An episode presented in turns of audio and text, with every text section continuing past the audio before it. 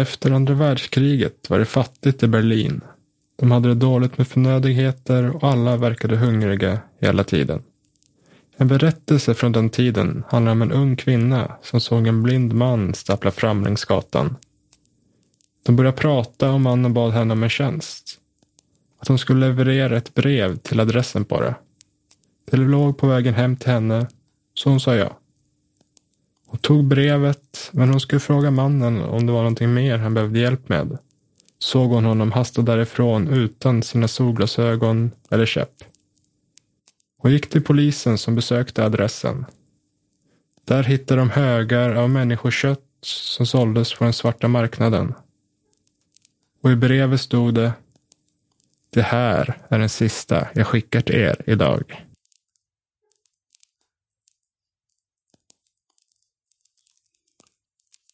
Jag är orolig för min son.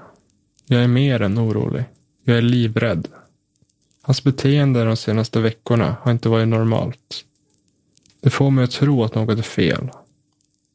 Till en början stod han bara i dörröppningen till vårt sovrum. Han gjorde det på natten precis innan jag skulle somna. Jag vände mig om för att släcka lampan och då stod han där i dörröppningen. Jag försökte prata med honom till en början. Men jag slutade med det, för han svarade mig aldrig. Han bara stirrar. För några dagar sedan förändrades hans beteende från att stå i dörröppningen till att sitta på sängens fotända. Han pratar fortfarande inte. Jag har frågat honom vad han vill, om det är något som är fel. Det är inte likt honom att vara så här tyst. Han väntar alltid tills min fru har somnat. Och det är det som gör mig mest rädd. Hon somnar alltid före mig och han kommer aldrig in när hon är vaken.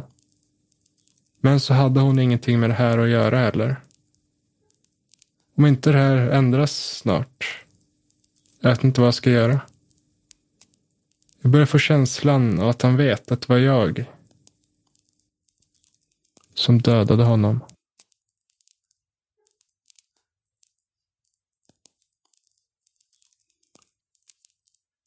Vi hade nyligen flyttat in i ett litet hus utanför stan. Området var som ur en saga. Det var tyst och grannarna var trevliga. Det här var menat att bli starten på något nytt för mig och min treåriga son. Separationen med pojkens mamma hade varit fylld av drama och stress. Jag såg åskan som en metafor för den här nya starten. En sista uppvisning innan smutsen från det förgångna spolades bort. Min son älskade det. Fast att det var strömavbrott. Det var det första riktiga åskovädret han sett. Skenet från blixtarna fyllde de tomma rummen i husen. De oöppnade flyttlådorna kastade långa skuggor omkring sig medan han hoppade omkring och skrek när åskan dånade. Det var långt efter läggdags när han till slut hade lugnat ner sig tillräckligt för att kunna gå och lägga sig. Följande morgon när han vaknade upp berättade han stolt med ett leende på läpparna att han kollat på åskan i sitt fönster. Några dagar senare berättade han samma sak igen. Men då sa jag till honom. Var inte dum. Det åskade inte igår natt. Du drömde nog bara. Han verkade bli lite nedslagen så jag röstade till honom i håret och sa att det är ingen fara. Det kommer nog en storm till snart igen ska du se. Sedan började det bli ett mönster. Han berättade för mig minst två gånger i veckan att han sett blixtar utanför sitt fönster. Fast det hade inte varit något oväder. Jag antog att det bara var återkommande drömmar om hans första oförglömliga Ostogoväder. Det är lätt att hata mig själv i efterhand. Alla säger att det inte fanns något jag kunde ha gjort. Att jag inte kunde ha vetat. Men jag skulle beskydda mitt barn.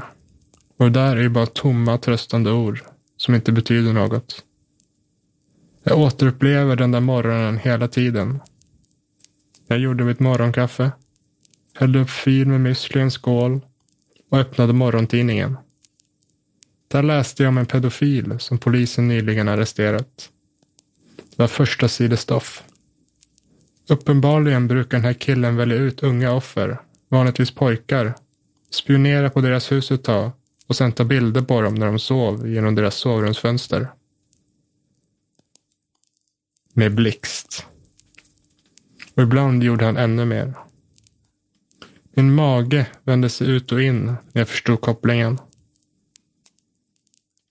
Då var det bara något från ett barns vilda fantasi. I efterhand är det det läskigaste jag varit med om. Ungefär en vecka innan de haffade honom kom min son ut i sin pyjamas och sa till mig. Gissa vad? Vadå? Det blixtrar inte i mitt fönster. Jag spelade med. Vad trevligt. Har stormen äntligen lagt sig då?